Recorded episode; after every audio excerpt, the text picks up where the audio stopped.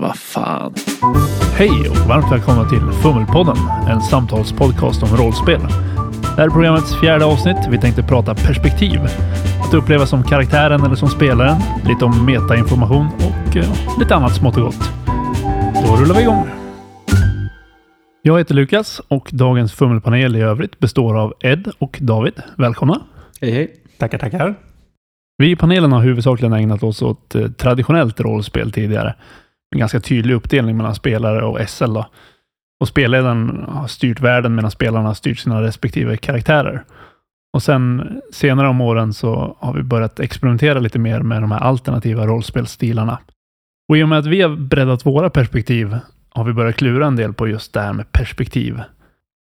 Den stora skillnaden blir ju eh, när man samberättar det med det traditionella, att i det traditionella, där kan du vara enbart din karaktär och du kan uppleva världen från karaktärens perspektiv och eftersom du har i princip samma makt som karaktären, samma inflytande i världen som karaktären har, då blir det en helt annan upplevelse än när man samberättar någonting och liksom ja, zoomar ut och ser helheten och, och bygger någonting med verktyg som man kanske inte har som en karaktär egentligen, utan mer som en spelare. Att det blir en stor skillnad i perspektiv där. Det vore ju trevligt om man kunde hålla båda bollarna i luften samtidigt. Att man äh, agerar som en hjälpande SL, om det nu finns en SL med. Så eh, får man bidra till världskapandet men samtidigt hålla sitt öga på vad min karaktär har koll på och Um... Men är det verkligen bra att ha en kompromiss där? För jag tänker, så fort du börjar låta spelarna bestämma saker i världen som karaktären rimligtvis inte kan bestämma själv, då tvingar du spelarna att hoppa väldigt mycket ut och in i karaktärens upplevelse och eh, spelarens upplevelse. Men jag skulle säga i många fall så är det ju redan där så länge du har spelat ett äventyr i samma spelvärld tidigare så kommer ju du som spelare redan ha kunskaper om världen och eh, detaljer som din spelkaraktär inte kommer veta.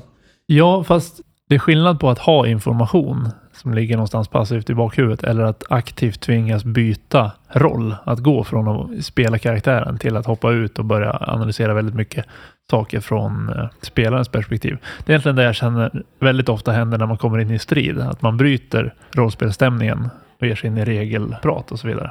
Ja, man, ja, men, tvingas hoppa ut ur karaktären på ett annat sätt. Ja, men jag tycker det där är ändå en, ett intressant perspektiv. Är det skillnad mot att som spelare ha kunskap om världen som man bestämmer att ens spelarkaraktär har eller inte har.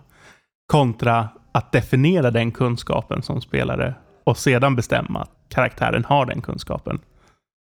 Jag hänger inte riktigt med. En gång alltså, jo, men så här att om vi spelar i Forgotten Realms och man stöter på ett, ett gäng munkar. Är det då skillnad på att jag som spelare vet att ah, men det här är munkar som tillber bal eller ja, någon befintlig gud som redan finns där. Och bestämma, ja, jag känner igen symbolerna, jag vet, min karaktär vet vilka det här är som de tillber.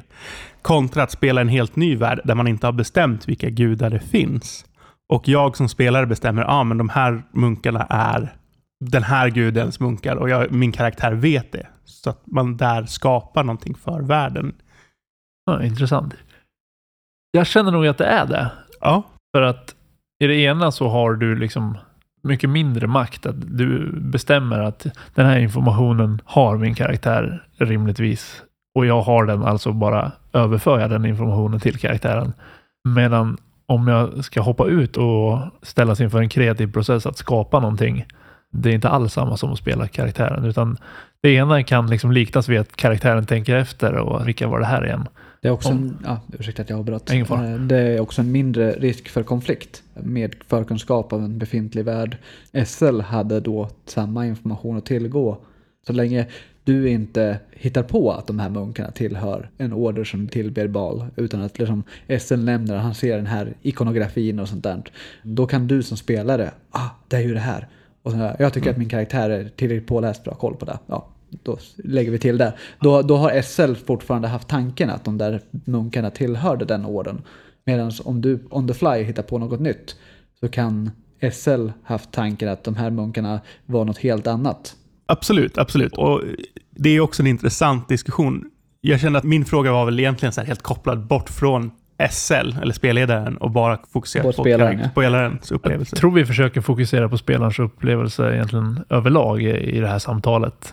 Vi kan skippa SL idag, det har vi haft ja. några ja, snack om. Ja, det har vi varit inne och rotat på tillräckligt mycket. För ja, just det här med perspektiv tänker jag, den stora skillnaden blir ändå hos spelarna snarare än spelledaren. För spelledaren har ju samma perspektiv hela tiden, att det är ett utifrån perspektiv där mm. man aktivt skapar, man hittar ja. på nya saker och man bestämmer över världen, traditionellt sett i alla fall. Medan spelaren blir det ju en ganska stort skifte, hävdar jag i alla fall. Att gå från att jag är bara karaktären, jag kan bara göra det karaktären kan göra, till att helt plötsligt vara, ah, okej, okay, jag kan skapa världen, jag kan påverka den på sätt som min karaktär inte kan. Jo, men absolut. Och sen det går ju att erkänna att ja, det ställer helt olika krav och olika förmågor på spelledaren beroende på vilket, vilken spelstil man har, men perspektivet är, som du säger, detsamma. Och ger spelaren en helt ny verktygslåda också. Ja, den stora skillnaden är ju verkligen för spelarna, känner jag. För du kommer ju alltid ha problemet som spelare att du har viss metainformation, att du har information som karaktären inte har. Och där får man helt enkelt sålla. Och det, den ständiga frågan, kan vi navigera eller inte? ja, precis. Vet min karaktär om eh, hur man hittar söderut i en skog? Ja. För att jag vet det. Eller vet min karaktär att det är en bra idé att blunda på ena ögat medan det är ljust om man ska gå in i ett mörkt rum? För att då har man bättre mörkersyn. Så här småkunskaper som man har plockat på sig som spelare, men som en karaktär inte nödvändigtvis vet. Är inte det också väldigt viktigt för just den här nya old school renaissance vågen att just det här att det är viktigt vad spelarna kan. Om jag som spelare vet hur man hittar söderut i en skog, så beskriver jag hur min karaktär gör det och därför kan jag hitta söderut. Där läggs fokuset inte så himla mycket på vad kan karaktären, utan där läggs fokuset framförallt på hur jag beskriver att min karaktär gör saker. Så det är min kunskap som spelare. Så du måste är. ha den dialogen internt för att avgöra om du tycker att han ska ha den Nej, det är nästan, tolkar jag det, mer att om du har kunskapen så har din karaktär den. Det handlar mer om spelarutmaning än karaktärsutmaning. För nackdelen med det är ju att du alltid kommer att spela samma karaktär. ja, du, du får ju lite bonusförmågor oftast. Om jag spelar en trollkarl så kanske jag kan slänga en och annan besvärjelse. Om jag är krigare är jag lite bättre på att fäktas. Men allt utanför strid är ju verkligen det här. Vad kan jag som spelare komma på för lösningar? Och det blir ju alltid någon mån av den typen av karaktärsspelande, tänker jag, i mer traditionellt rollspel. Att ska du lösa någon form av problem, då är det ju din egen problemlösningsförmåga som det ofta ställs krav på. Och det pratade ja. vi lite om i något tidigare avsnitt där. Ska du övertala någon spontant så är det lätt hänt att det är din egen personlighetsövertalningsförmåga som får styra där, så länge man inte använder rena färdighetslag. Och då blir det ju egentligen personligheten på sin karaktär man rollspelar då, snarare än kunskaperna. Ja, precis. Men det är lite intressant för det där blir ju nästan ett slags tredje perspektiv då. Jag tänkte ju huvudsakligen på styra som karaktären eller skapa världen och påverka.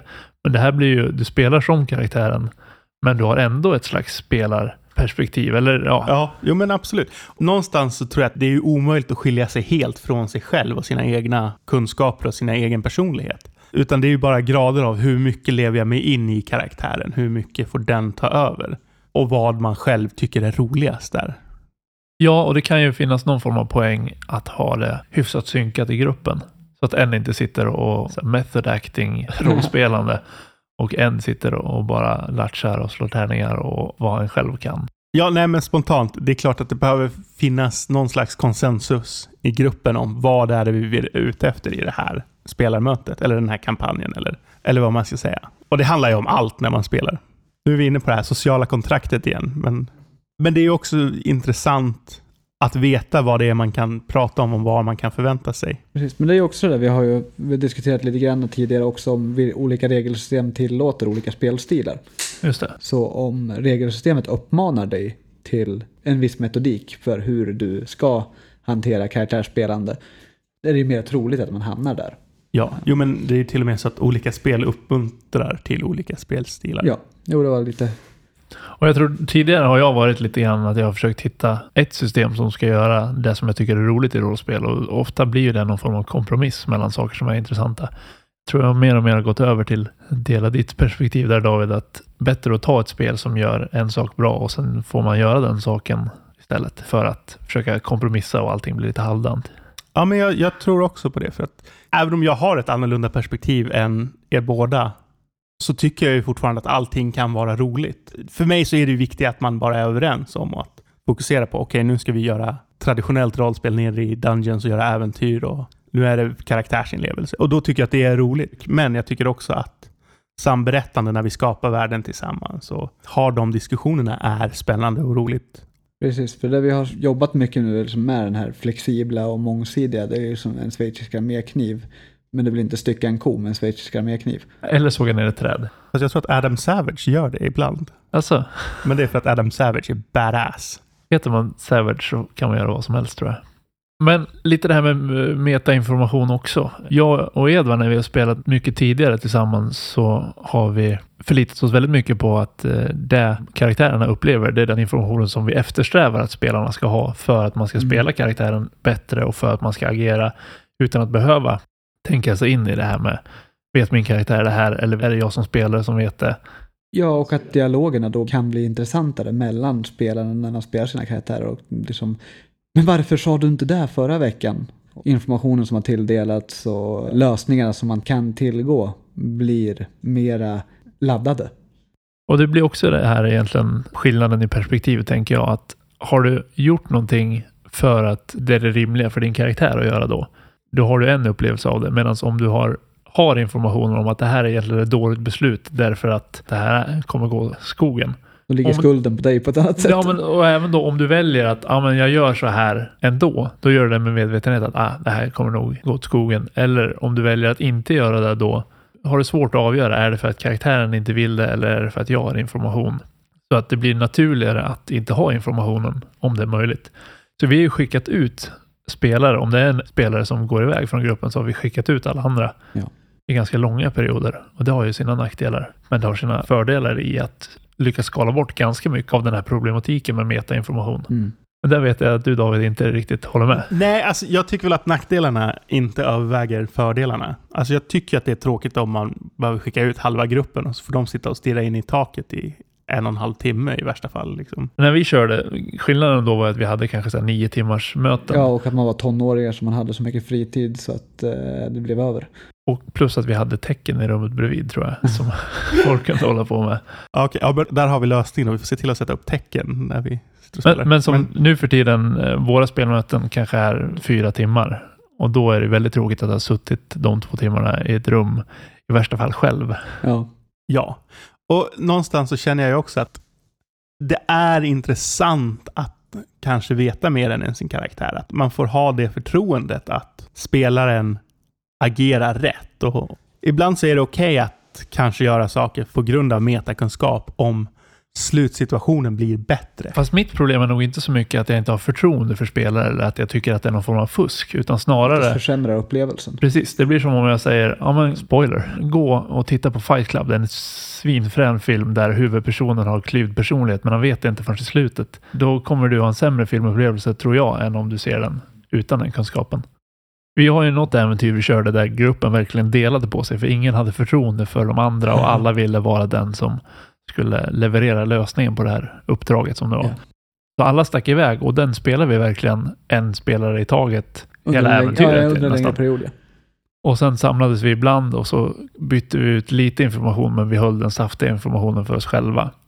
Och klimaxet i det här resulterade i att eh, uppdraget var att på något sätt lägga beslag på ett föremål som fanns i ett varuhus och skulle säljas på auktion. Och min karaktär i klimaxet bryter sig in i det här varuhuset och ska ta föremålet på lämpligt tillfälle. Då. När han bryter sig in så blir han ertappad av en vakt som är en annan karaktär som har tagit rekrytering hos arbetsgivaren som ska sälja föremålet. Tillsammans med arbetsgivaren så när den här vaktspelarkaraktären slår ner arbetsgivaren för att jag ska kunna stjäla föremålet Helt plötsligt exploderar huset bredvid för att en tredje spelare har byggt en stor bomb där. Vilket är den perfekta avledningsmanövern för oss att fly från alla andra vakter och på vägen ut så springer vi förbi en cell där en fjärde spelarkaraktär sitter fängslad för att han har misslyckats med sin lösning på det. Och det hade ju varit tillfredsställande oavsett vad som hände, men hade vi varit medvetna om allt som hade hänt, då hade det känts mer konstruerat. Ja, och det hade nog inte lösts på samma sätt för att man hade använt den metainformation man hade byggt upp under den för att koordinera det. Just för att alla de här små detaljerna bara faller på plats så gör man ju den bästa lösningen man hittar i stunden och då känns det naturligt och high pace och allting får en mera tacksam Ja, och min upplevelse i den situationen var verkligen, vad fan gör du här? Hur är det här ens logiskt att din karaktär dyker upp här?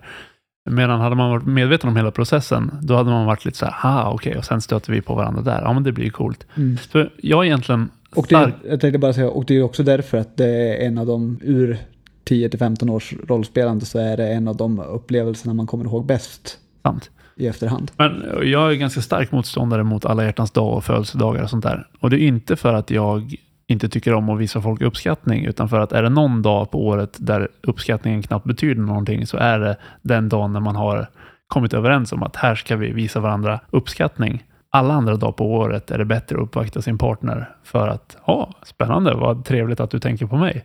Medan alla hjärtans dag, då, ja, jo men det var ju sant. Eller någon kommer och ger en en present på födelsedagen. Ja, det var ju snällt. Det är ja. inte det. Men får man det någon annan dag, då blir det så, oj, shit, vilken grej. Alltså, jo, nej, men jag sitter här och tänker, jag, jag var inte med om den här upplevelsen. Och den låter ju helt fantastisk och, och otroligt rolig att vara med om.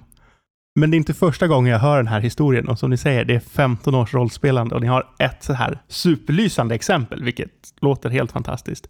Sen så undrar jag hur, hur många timmar har sedan varit det här att ja, men man skickar ut några, hur mycket har man suttit utanför och jag skulle säga och, att det kanske... Jag det... tror att det är liksom är själva kronan på verket egentligen. Ja. Men det finns så sjukt många sådana små saker som ja, men snösaga när vi traskade omkring på olika håll inne i Ysetyr och stötte på mm. varandra och frigav varandra. Och... Det är inte så mycket upplägg som krävs för att uppnå sådana situationer. Sen att den är den bästa är ju en annan sak. Men, men jag vet att du är lite så här överlag mot, eller du är, för att måla upp det mer positivt Dager, ja. du är för att spelarna ska dela med sig information om varandras karaktärer innan man börjar spela och under tiden att man...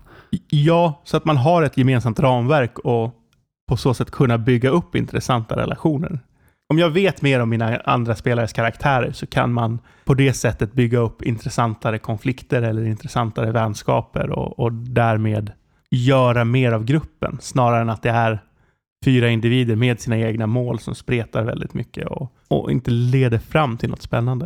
Jag tror att vår spelstil som har varit har ju varit att väldigt mycket lära känna både lära känna världen, lära känna spelare, karaktärer och liksom mjölka folk på deras bakgrundshistorier via dialoger och mm. att hitta alla de här små detaljerna som styr upp det. Så i början, då är ju alla ett frågetecken.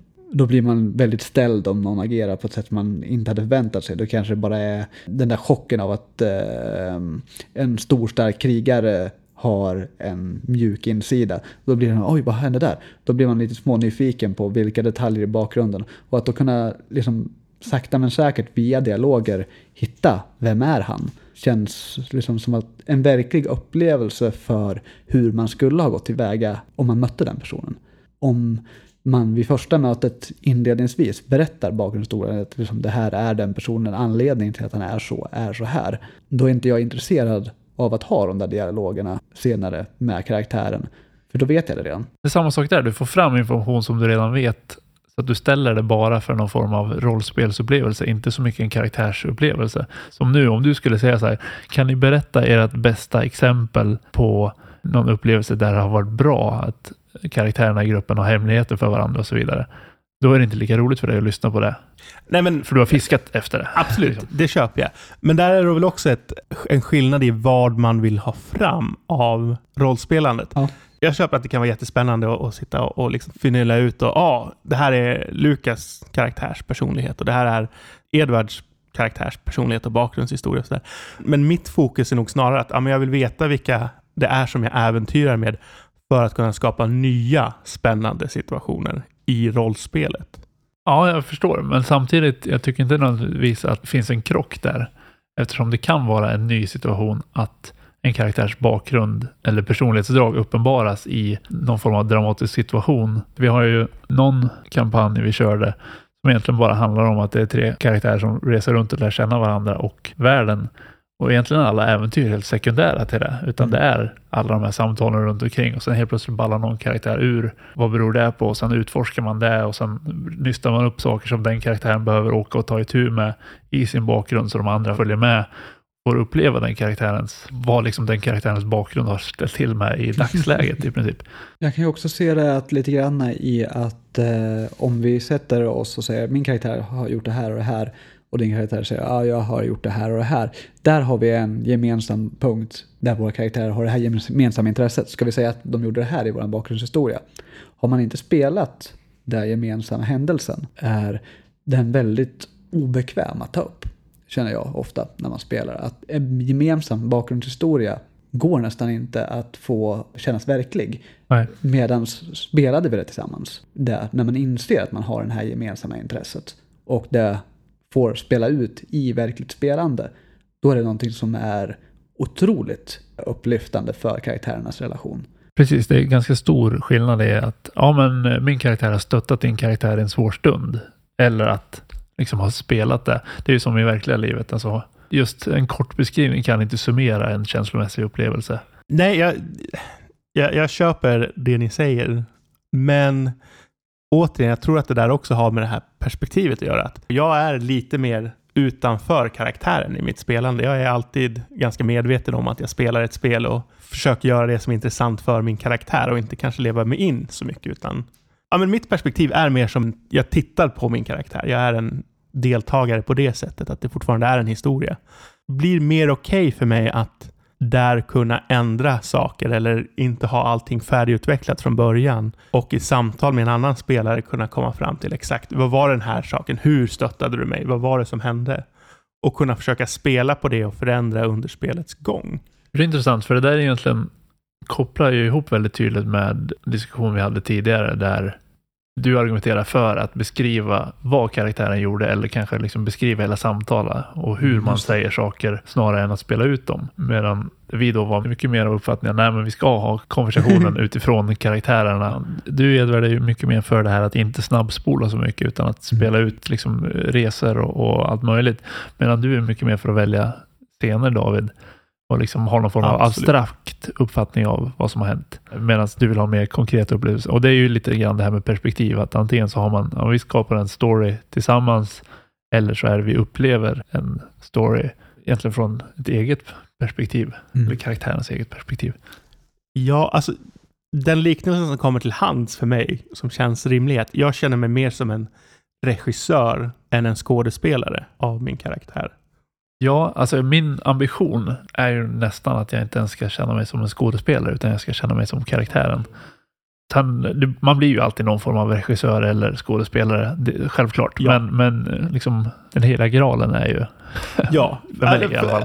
Ja, men för, men för mig så är det, jag, jag vill vara Steven Spielberg och sitta där så här. Så här händer det och Så så här blir det. det jag inser nu, du ser kameran, inte personens ögon. Jag inser när jag spelar så är jag, Ja, men- jag är första person. Nej, absolut. Jag är nog tredje person. Jag ser kameran. Ah, spännande, för du har ibland en tendens att liksom beskriva, man ser det från det här perspektivet eller kameravinklar ibland. Ja, det kan jag dra mig till minnes nu när du säger det här. Ja. Medan jag är så här, åh shit, nu sabbar det min spelupplevelse. För det är inte en kamera, det är inte en tv-serie, det här är liksom... Eh, Och det är också det hur du beskriver din karaktär ser ut också när han gör saker är också någonting som kastar ur mig lite grann ibland att men hur menar han nu? För att det där är ju någonting som han inte skulle se. Och det där är inte kritik mot att du sabbar nej, rollspel. nej, det är utan bara så här, jag insåg Ja. det helt plötsligt nu att du inte ser ur ögonen på din karaktär. Jag tror att det är typ quicktime events kan jag möjligtvis komma ut i tredje person. Att någonting väldigt kaotiskt händer och man hoppar över ett eh, stort stup. Då kan jag möjligtvis se karaktären. Men alla liksom dialoger och sånt där, då sitter jag inuti karaktärens huvud. det där, helt ärligt, det där är sjukt spännande. För för mig så blir det så här, oj shit vad jobbigt att alltid ha första persons perspektiv. Och är det så ni alltid ser det? För, så för mig är det också samma så här aha-upplevelse på något sätt här över hur ni ser på saken. Väldigt intressant. Faktiskt, Det det så nästan ett, eh, ett uppslag för ett annat program. Ja, fast Men det är det, det med tangerar till det här. Ja, ja. Nu ska jag hoppa på en sak som har varit uppe på tapeten många gånger för mig, rent privat. Och det är att, men om ni är så himla karaktärsfokuserade så känns det som att Burning Wheel borde vara det bästa spelet för er någonsin. Är det inte sjukt mycket regler i det? Det är uppfattningen jag har fått när jag läst i alla fall. Det är sjukt mycket regler, men det är också sjukt mycket fokus på karaktären man är. Fast det blir, så fort man ska lägga in massa regler, återigen, då hoppar man ut i spelaren. Eh, hur var den här regeln nu igen? Kan jag göra det här movet eller eh, ska jag slå någon tärning? Det, ja, ja nej, men alltså jag, jag köper att... det. Men samtidigt så vill jag ju då också så här. Alltså jag är inte emot att prova det, men jag kan känna att en mångfald av regler är någonting vi har försökt dra oss bort från, tror jag. Och jag, tyckte, jag kan tycka att det här Apocalypse World är dess stora räddning för mig, trots de här movesen och alltihopa, är ju att det är så pass kompakt regelmässigt. Ja, och där finns det ju ändå, de eftersträvar ju systemet att du ska frikoppla din karaktär från moves. Ja. ligger ju ändå i bakhuvudet. Särskilt vi som är oerfarna, där behöver man ju fundera som spelare. Borde SL säga att jag ska göra Ja, jo, alltså absolut. Men det, där, det är vi som är, är noobs. Där är det vi som är noobs. Och ja. där tror jag att det kommer bli bättre ju mer vi övar oss och ja. blir, blir bättre. Ja, det är sant. Men jag stötte även på problemet igår att jag ville åstadkomma någonting. Jag ville hota en person ja, det, där jag inte hade någon möjlighet att skada den personen. Jag tolkar det inte som att det fanns någon lämplig move för det. För att antingen skulle jag göra skada eller så skulle jag manipulera. Men jag ville ju liksom bara få personen att... Vara obekväm. Ja. Och där känner jag, det blir också hopp in och ut ur karaktären. Mm. Att man måste ut till spelare, analysera reglerna för att min karaktär ska kunna agera i världen. Viss problematik med det. Men så här, jag försöker, jag försöker växa upp och mogna. För ett par år sedan då hade jag nog sagt, men David, din rollspelsupplevelse är mycket sämre än min. För jag får världens fränaste upplevelse som inne i karaktären medan du bara sitter och tittar på. Ja, det är där Ja, vi hade... Det här sköna med att allting är subjektivt och vi har ja, olika uppfattningar. Så jag har försökt mogna lite i alla fall. Men en tanke jag har här också, om vi går tillbaka till friform, där, där man inte använder tärningar, utan man beskriver allting och man ska övertyga spelledaren. Är inte det också lite illusionsförstörande att man alltid kan få som man vill, eller att man får som man vill i de flesta fallen? Jo, det är väl egentligen anledningen till att jag har försökt styra oss tillbaks till att ha mer regler. Jo, det har, det har ju gått i en bättre riktning nu med ett tunt regelsystem som döljer sig i bakgrunden. Men det har också blivit det där där vi försöker banta ner regelsystemet så långt som möjligt och så hittar vi situationer där regelsystemet spricker för att det inte finns regler för brottning i handgemäng och sånt där. Då måste vi lägga till regler för det och sen kommer man tillbaka till att då har vi helt plötsligt en specialregel för det här. Varför finns det då inte en specialregel för den saken? Den gyllene medelvägen är svår att luska fram. Den gyllene medelvägen går genom ojämn terräng. Ja. jo, men absolut. Ja, men, så det man kan säga, alltså, ju mer vi gräver desto mindre rena sanningar hittar vi. Att allting är någonstans någon kompromiss. Det går inte att bara leva i karaktären. Visst, det skulle gå att bara säga att det här gör den här personen, det här gör den här personen, men det skulle nog vara ganska tråkigt, tror jag. Ja, alltså vi var inne på i början att det är bättre att ta ett system som gör en sak bra istället för att försöka kompromissa. Men jag tror det här med perspektiv blir alltid en kompromiss. Eh, eller liksom alltid någon form av mellanting. Det blöder alltid lite över i de olika. Det är inte svart och vitt, utan i rollspelande, har du en karaktär så ska du fundera på den karaktärens motivationer. Och då kommer du automatiskt spela lite i karaktärens sinne. Samtidigt är du bara en spelare som sitter runt ett bord och du ska anpassa dig efter regler och världen existerar inte på riktigt. Så att du blir ju en regissör av det hela också. Ja. Jo, precis. För att kunna låta karaktären interagera med en värld så måste man ju utforska saker som då eh, är frågor till SL. Ja. Och att ställa frågor behöver inte nödvändigtvis vara ledande, men så fort du ställer en fråga så har ju du väckt SLs uppmärksamhet på någonting som inte har tagits upp tidigare. Sant.